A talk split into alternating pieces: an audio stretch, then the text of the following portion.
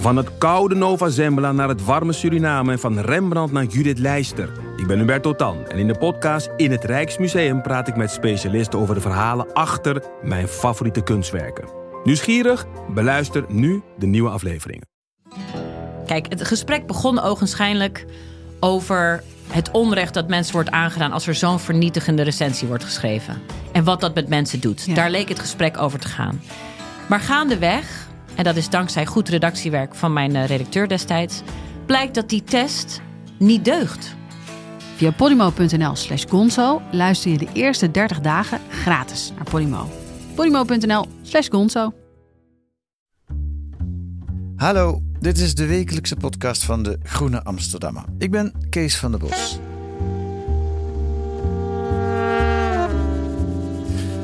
Redacteur Casper Thomas doet regelmatig verslag uit het Amerika van Donald Trump. In het kerstnummer van de Groene gaat dat over de Presidential Family. Officieel zijn de Verenigde Staten een republiek, een meritocratie. Een staat waarin je kwaliteiten tellen en niet je afkomst. Maar de Kennedys, de Bushes, de Clintons doen soms toch iets anders vermoeden. Familie is niet geheel onbelangrijk. Vandaar de vraag: hoe gaat het met de Trumpjes?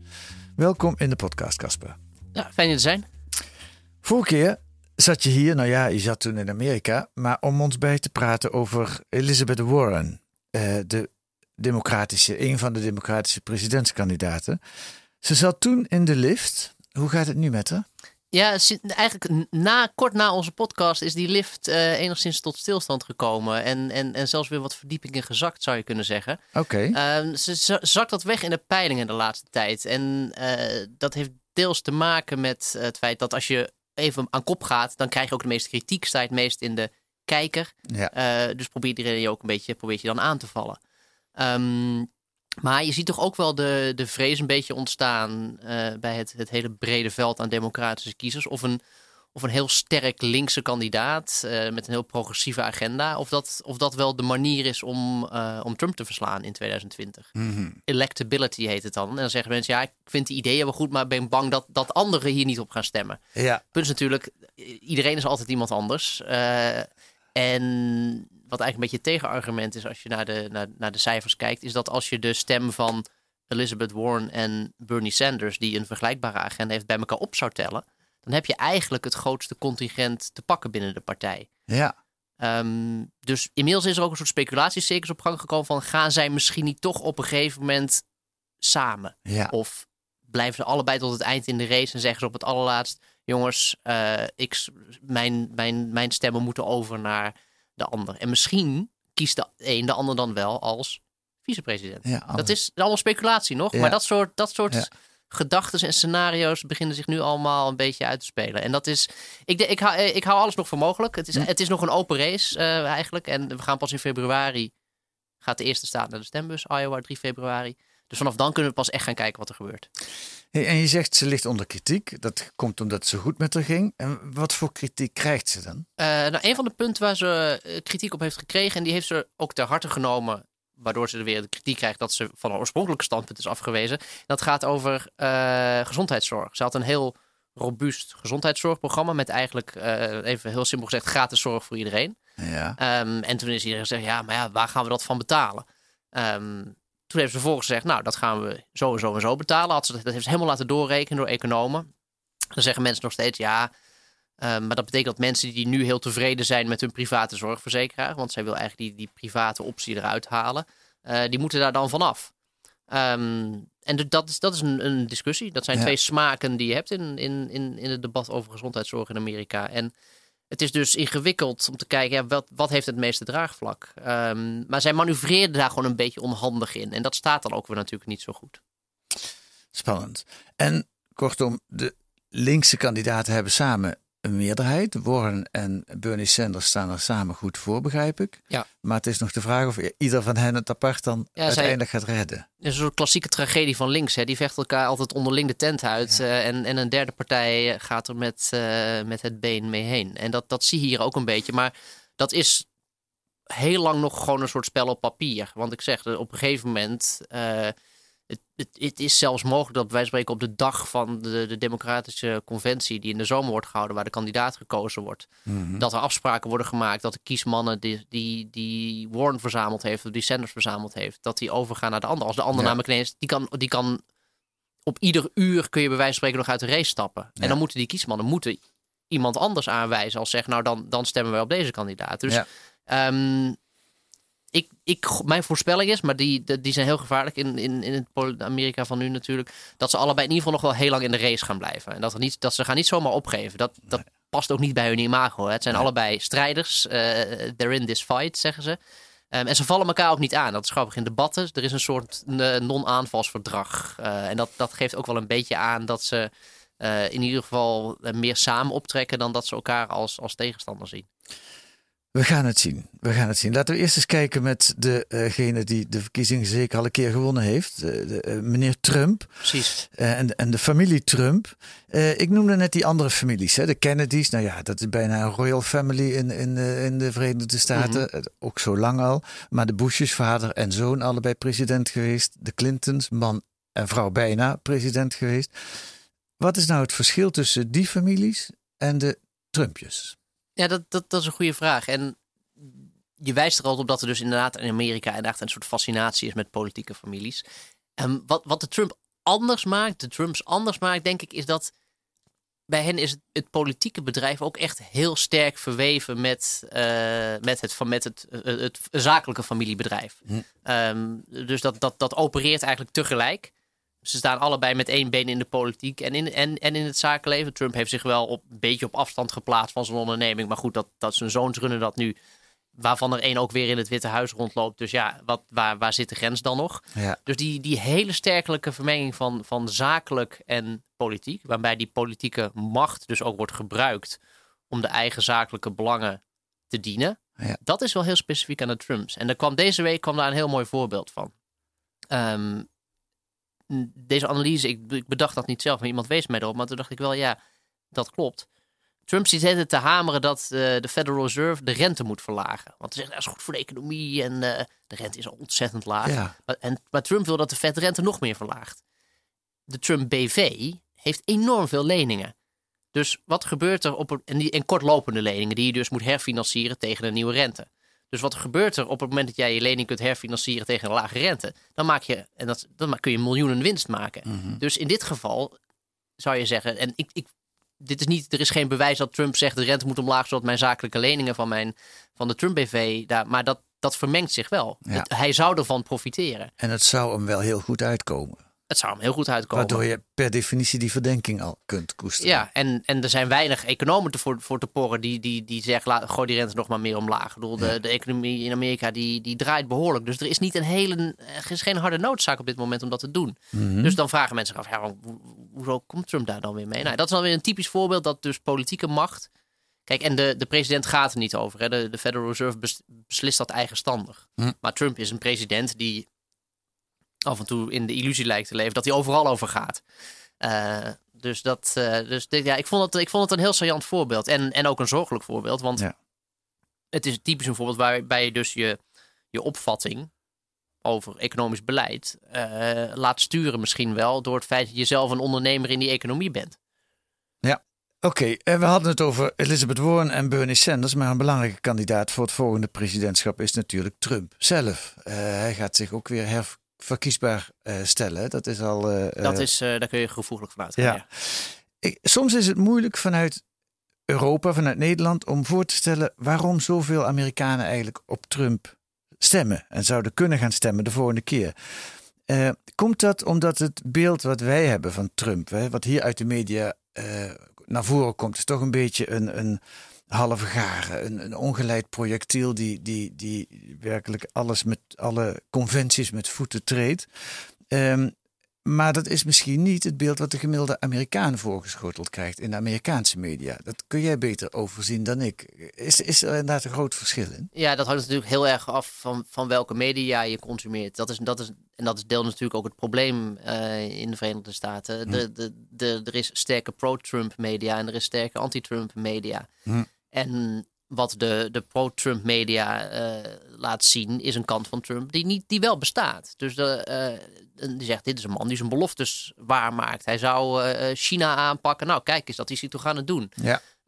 hij zou het NAFTA-handelsverdrag met Mexico en Canada opzeggen en, en heronderhandelen. Dat heeft hij gedaan. Dat is afgelopen week, is dat, vorige week, is, is dat nieuwe verdrag getekend. Hm. Het is dan 90% hetzelfde als het oude verdrag. Dus het is een beetje een, een, een, een schijnoverwinning. Maar het, maar het idee van, oh, het is iemand die zijn beloftes namaakt, waar maar daar is best, daar is best voer voor te vinden. Ja. Ehm, en de economie gaat goed in De economie gaat goed, dus dat is ook, dat is, dat is, dat, dat, dat spreekt ook in zijn voordeel. Dus dat zijn, dat zijn, en dat zijn, ja, gezegd, dat zijn gewichtige zaken die, die een hoop kiezers uh, aanspreken. Ja.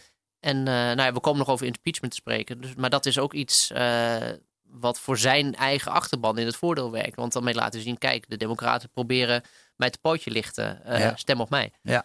ja, dat is iets wat altijd opvalt bij populistische kandidaten in Amerika, maar ook hier. Ze hebben altijd dat underdog gevoel. Van wij worden zo hard aangepakt door de mainstream media. Ja. Ja, dat is hol voor een groot deel, vind ik. Um, maar het werkt wel, hè? Dat, dat, dat frame. Het werkt absoluut. En, dat, en dat, dat is een, eigenlijk is dat een kenmerk van, van, van populistische politiek. Ja. Uh, dat, dat, is een vorm van slachtofferpolitiek. Ja. Um, maar als je eigenlijk kijkt, ik denk dat we in een soort overgangsfase zitten. Ik denk dat we naar de fase aan het gaan zijn waarin dat argument gewoon puur feitelijk aan geloofwaardigheid verliest. Want hm. um, in, de Verenigd, in het Verenigd Koninkrijk uh, is de partij die dat ooit beweerde, is volop aan de macht gekomen. Dus met een grote meerderheid is Boris Johnson gekozen. Trump is ook al vier jaar aan de macht bijna. Ja. Uh, ja. uh, of straks. En, en daar komt misschien alweer een nieuwe termijn bij. Dus het hele idee dat dat niet gehoord mag worden of niet gezegd mag worden. Hetzelfde geldt in Nederland hoor je ook de hele tijd. Ja, dat, je, er zijn, je mag dingen niet zeggen in de politiek of in de media. Nou, die dingen worden al tien jaar heel veel gezegd. En die hebben ook politieke macht. Dus Ja. De, de, de mogelijkheden om, om, om het slachtoffer in verdrukking te spelen worden steeds kleiner. Dus je ziet ook dat die vleugel van de politiek op zoek gaat naar wat betekent het eigenlijk als wij de mainstream? Zij zijn de mainstream. Trump is de mainstream. Boris Johnson is de mainstream. Ja. Um, dus we kunnen niet meer gaan doen alsof dat, alsof dat van buiten komt. Ja, mij verbaast het enorm dat ze daar steeds nog meer weg lijkt Ja, te komen. Maar ik denk dus dat ze het minder. Ik denk dus dat, dat, dat we daar het, het, het laatste staartje van aan het zien zijn. We gaan het meemaken. Eh, weer een voorspelling trouwens. Ja, ja, het is eind van het jaar, dan mag dat. En dan uh, kun je volgend jaar uh, het boetekleed aantrekken en zeggen dat je er allemaal Ja. naast staat. Laten we even naar de familie kijken. Je hebt, eh, eh, laten we even luisteren naar Ivanka, de, de oudste dochter. I have strong opinions. I articulate those opinions. When asked, he raised my brothers to be the same. Een vrouw met sterke, eh, strong opinions, sterke overtuigingen. Eh, nou, dat kun je wel zeggen, hè? Ja, Of niet? Je aarzelt. ja, ja die- ze zegt het van zichzelf. Ik weet, ik weet niet of ze sterke mening heeft. Het, eh, ik, denk daar eigenlijk dat, ik denk eigenlijk dat het wel meevalt. Ehm, ik, ik heb er nog niet, ik, in de tijd dat ik, dat ik de Trump-familie volg, heb ik Ivanka nog niet kunnen betrappen op een, een baanbrekende openbare stellingname op een onderwerp dat mensen zeiden: Oh, ja, god, zo had ik er echt nog niet tegenaan gekeken. Eh, ik, het is iemand die vooral eh, eh, aanwezig, aanwezig wil zijn. En er gebeurt achter de schermen ongetwijfeld een heleboel. En er wordt gezegd dat ze grote invloed heeft op de vader. En dat is ook de reden waarom mensen het idee hadden van... Nou, het is wel goed dat, dat Ivanka ook een witte huispositie krijgt. Want ja, het is wel een beetje nepotisme dochter van. Maar misschien heeft ze dan een wat matigende invloed op Trump. Nou ja, dat... ik bedoel, als dit al met matigende invloed is, dan moet je je afvragen hoe het iets eruit ziet als die matigende invloed er niet is. Dus ik, ik denk dat dat al eigenlijk allemaal wel meevalt. Ah, Ehm, en het, het, het, het, grote verhaal met Ivanka is van de, de, de, het speculatiecircus. En dit is een beetje, nu komen we een beetje in het terrein van de politieke roddeljournalistiek. Hè? Dus dit is, eh, ehm, is de vraag van, wordt zij klaargestoomd om misschien straks wel zelf eh, eh, zich kandidaat te stellen? Wordt zij niet alleen maar erfopvolger van het familiebedrijf, maar ook van de, de, de politieke kant van de familie? ja. ja, nou wat heel erg opvalt aan haar rol is... eh, nou, ze houdt kantoor in het Witte Huis, is adviseur van de president. Eh, bij de laatste eh, G20, de top van, van de wereldleiders in, in Japan, in Osaka, was Ivanka aanwezig, was heel prominent aanwezig. En na die top twitterde het Witte Huis een filmpje waarin Ivanka verslag doet van politieke gebeurtenissen.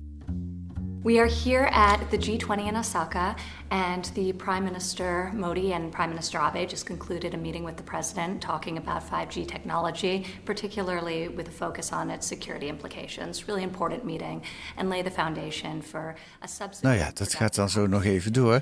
Ze heeft het over Modi en over uh, de premier van Japan en van India. Maar wat opvalt is, dit is gewoon geen diplomaat. Dit is de dochter van de president, die ja. door het Witte Huis gesanctioneerd verslag doet van politieke bijeenkomsten van de president. Ja, en dat is dus vanuit een standpunt van gezonde democratie problematisch. Want uh, wat je je moet afvragen, wat zijn, op, op, basis van welke kwalificaties vervult zij deze rol? Ja. Uh, nou, het antwoord is al gauw, uh, die kwalificatie staat in een paspoort en dat is de naam Trump. Dat is nepotisme. Um, ja, puur van, van de bovenste plank. En dat is ook wel aardig, in dat, film, in dat fragmentje wat je net dat hoort. Ze zegt the president. Ja. Maar dat is, ze kan ook zeggen my father. Maar ja. dat zegt ze niet, want ze is in een rol. Ja. Maar het, het maf is als zij in interviews met de, de, met de nieuwsmedia en in de Verenigde Staten wordt aangesproken op haar uh, rol als dochter. Uh, of op, het gedrag van de vader. Als de vader iets grofs heeft gezegd of iets een vrouw heeft beledigd of wat dan ook. Dan zegt de media wel eens, ja Ivanka, wat vind je daar nou van in de televisie? En dan zegt Ivanka, ja, ik ben een, dat is mijn vader. Daar kan ik niet, ik, ik heb het recht om mijn vader altijd te geloven. Dus ik, het is ook heel moeilijk voor een dochter om, om iets negatiefs over een vader te vinden. Dus dit moet je me eigenlijk niet vragen. Dus zij is heel gewiekst. Zij, zij switcht tussen die rollen wanneer het eruit komt. Op het moment ja. dat het eruit komt om, om, om diplomaat en vertegenwoordiger te zijn, is het de president. Ja. En op het moment dat het wat onhandig is, ze zegt ja, ik ben een dochter. En dat, ja, dan moet je niet, je moet niet tussen een dochter en een vader komen staan. Waarom accepteert iedereen die ja, is, prominente rol van haar? Ik vind, dat, ik vind dat een hele goede vraag. En dat, ik vind dat iets voor de, de journalistiek in den breedte om uit te zoeken. Um, want dat verbaast me eigenlijk dus ook. Dat um, op zo'n forum als de G20. Iedereen gaat erna lachend met Ivanka prominent in het midden op de foto. Uh, we doen een, ze is bij een, een, een vergadering in Duitsland op een gegeven moment uh, met Merkel liep, liep, liep, de vader de kamer uit en ging zij daar zitten. Dan zou je toch eigenlijk hopen dat, dat, dat de, de wereldleiders die wij allemaal democratisch gekozen hebben, uh, althans in, in, niet overal in even sterke mate, um, dan zeggen ja jongens kom, we, we, zijn hier, we zijn hier als, als, als, als leiders bij elkaar. Stel dat, ieder, stel dat iedereen dat doet. Stel dat ja. iedereen zijn kinderen meeneemt en zegt: ja. Oh jongens, nee, ja. uh, nee, let the kids step in. Ja, uh, ja nee, ze, ze, hebben een officiële functie hoor. Ze zijn allemaal benoemd tot uh, presidentieel adviseur. Maar het zijn wel toevallig alle kinderen. Dus een kinderparlement, een, een, een, leuk idee, dat hebben, bestaat ook. Maar niet op deze manier. Nee. Maar het zegt het iets over de, de macht van Trump over het feit dat mensen niet durven daar tegen dat, te gaan. Dat, dat is het voor een groot deel. En het ja. is ook het idee van, nou ja, weet je, als we dan een beetje aardig doen voor Ivanka, dan komen we ook weer wel in een beter boekje te staan bij Trump. En dat oliet allemaal een beetje de, de verstandhouding. Maar wat daar dus gebeurt, is dat een, een wat mij betreft dus een belangrijk principe, namelijk uh, politiek moet niet uh, door families onderling verdeeld worden, ja. uh, wordt collectief geschonden dat principe. En dan misschien wel uit het hogere doel van ja, dan kunnen we beter met Trump door één deur. Ja. Maar uh, iedereen staat erbij en kijkt ernaar. En, en wat er dan gebeurt is dat er. Want er kwam ook een ander filmpje naar buiten van diezelfde top. Dat Ivanka zich op, in een gesprek probeert te mengen tussen uh, Christine Lagarde, uh, Emmanuel Macron, Theresa May en. en, staat, Mer Merkel, geloof ik. Nee, of Trudeau. Dan ben ik oh, dat even Trudeau, terug, volgens gelijk. mij. Ja, je hebt gelijk. En dan staan ze met elkaar te praten over in, in de wandelgangen. En het zijn elke keer de Fransen die dit filmen trouwens en daarna op internet zetten. Dus dat zijn, ja. uh, die zijn heel achterbaks. Ja. Uh, en dan komt Ivanka eraan en die begint over iets volstrekt niet ter zake doen. Dus, en je ziet iedereen dan een beetje zo wegkijken en wegdraaien. En denk je, jee, wat, wat, wat, wat moeten we hier nou mee? Ja. En het is heel, dat is echt tenenkrommend om, Ja. dat, om, om dat te zien. En, maar ja, je, je, tegelijkertijd faciliteert iedereen ook Ja. die, die, die, die vermenging van rollen. Ja. En het punt wat je daarmee dus ook sanctioneert voor, je sanctioneert het ook voor anderen daarmee. Want als, als president A zijn kinderen naar voren mag schuiven, nou dan mag president B het natuurlijk ook doen. En wat je sanctioneert is de mogelijkheid dat iemand daadwerkelijk straks zelf inderdaad de politiek ingaat. Ja. Want zegt, ik heb toch zoveel ervaring. Ja. Laten we een zoon nemen, de oudste zoon, Donald uh, Jr. Um, dat is samen met Erik, andere zoon, doet hij het zakenimperium uh, van de Trumps. Um, maar dat is heel erg gescheiden van uh, hun vader. Luister maar. We don't talk about the activities of the business. We don't talk about what we're doing in the business. We don't. We just don't mix the but separation. by showing of, them profit reports, that doesn't blur the lines. It doesn't blur the lines. It doesn't blur the lines. You're, you're allowed to show that, and Remember, the, the President of the United States has zero conflicts of interest. Zero.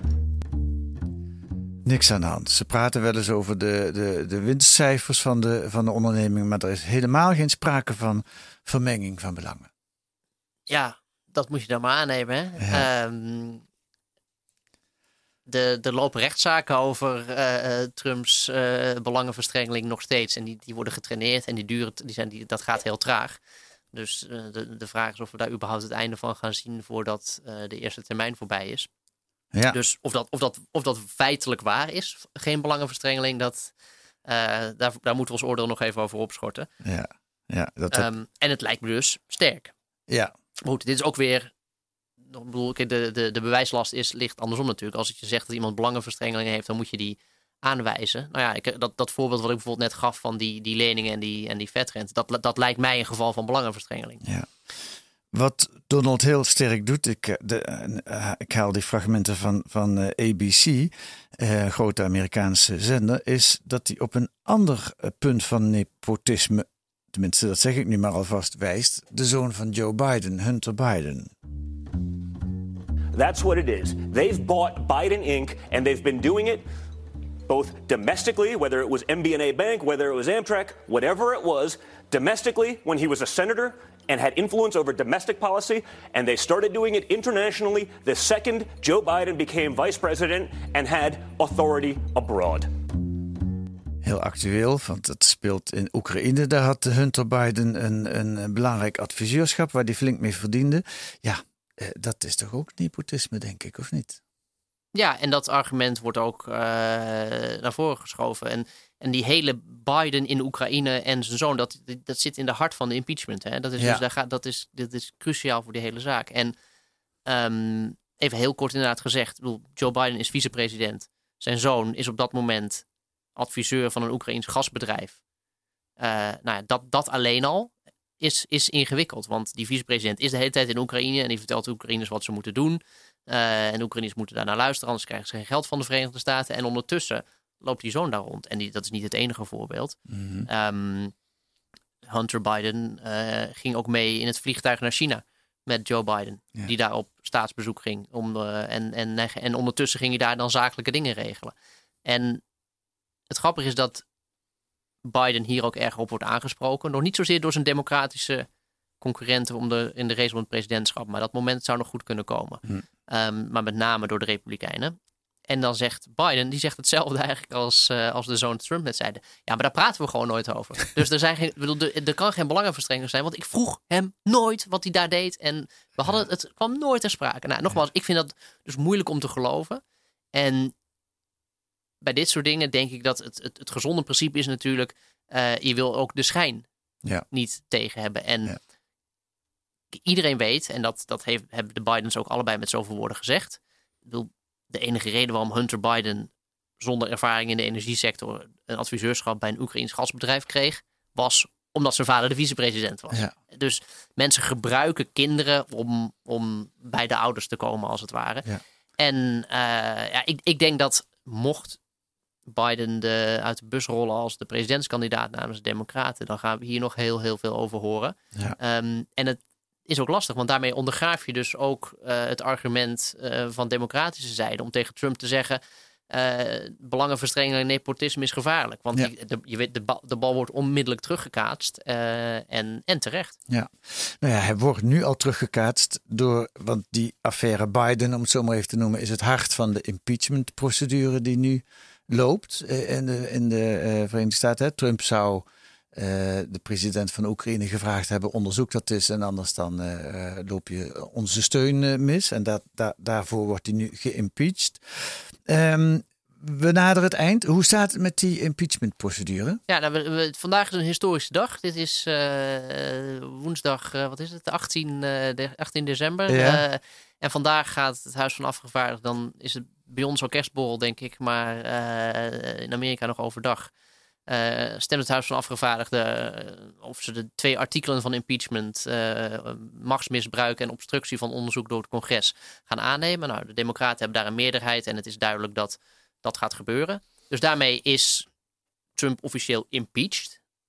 Wat nog niet betekent dat hij ook daadwerkelijk weg moet. Dat is het, het, het Wacht verwarrende. even, is hij officieel impeached? Het moet toch nog door de Senaat bekrachtigd worden? Ja, maar dat, dat, ik, taalkundig he- zit dat zo in elkaar. Dat, dan ben je wel een impeached president. Ja? Maar, niet, maar, de, maar eh, impeachment is dus niet letterlijk hetzelfde als eh, Afzetten. als afzetten. Nee. Ehm, dus eh, je kunt zeg maar in, ja, je, je kunt een impeached president zijn, maar wel blijven zitten. Ehm, het huis heeft je dan geïmpeached. Alleen de Senaat heeft gezegd, nou, we vinden dat niet zwaarwegend genoeg om ook daadwerkelijk je uit je ambt te zetten. Ja. Nou, dat scenario heeft zich voorgedaan bij Clinton. Eh, en dat scenario gaat zich nu ook voordoen, tenzij er hele rare dingen gebeuren, ehm, bij Trump. Eh, Ja. Dus de Republikeinen hebben een stevige meerderheid in de Senaat. Dus het enige wat zij hoeven te doen is zeggen, nou ja, ehm, dat kan, het Huis van Afgevaardigden kan dat vinden. Wij, de Republikeinen in de Senaat, vinden dat niet. En daarmee kan Trump zijn termijn gewoon uitzitten. ja. Maar Maar, er komen nu allerlei andere spelletjes om de hoek kijken. Want de vraag is nu, hoe lang gaat de Senaat dit rekken? Zeg, als, het kan in het voordeel van de Republikeinen gaan spelen. Om te zeggen, nou, we gaan daar nog heel lang over vergaderen. En dan, hoe langer dat in die verkiezingen, eh, dicht tegen die verkiezingen gaat, hoe, hoe, hoe verser nog in het geheugen het is, hoe meer Trump er het al kan gebruiken als een argument voor zijn, voor zijn eigen herverkiezing. het past weer in dat frame van wij liggen altijd onder vuur. Exact. En als je dat wil laten zien, nou, we, je, daar hadden we het dus net over. Dit, hoe langer je het, het, het, het- Dus ze kunnen het zeg maar kort en krachtig doen, of ze kunnen het lang uitrekken. Plus, Ja. dat is dus nog een, een, een, een, een, een tweede. Ehm, Elizabeth Warren en Bernie Sanders zijn allebei senator. Dus op het moment dat er gestemd moet worden of een belangrijk debat is, hebben zij eigenlijk ook de verplichting om in de Senaat te verschijnen. Mhm. Maar ze moeten ook op campagne tour voor hun, voor hun verkiezingen. Dus je kunt ook nog eens een keer twee kandidaten, nou ja, in ieder geval hinderen. Hm. Dus daar gaat dat, dat, dat, de, de, timing is everything. En dat, dat, dat, dat gaan we denk ik nog veel zien in het nieuwe jaar. Het wordt een spannend jaar in de Verenigde Staten. Eh dankjewel, Casper Thomas. Graag gedaan.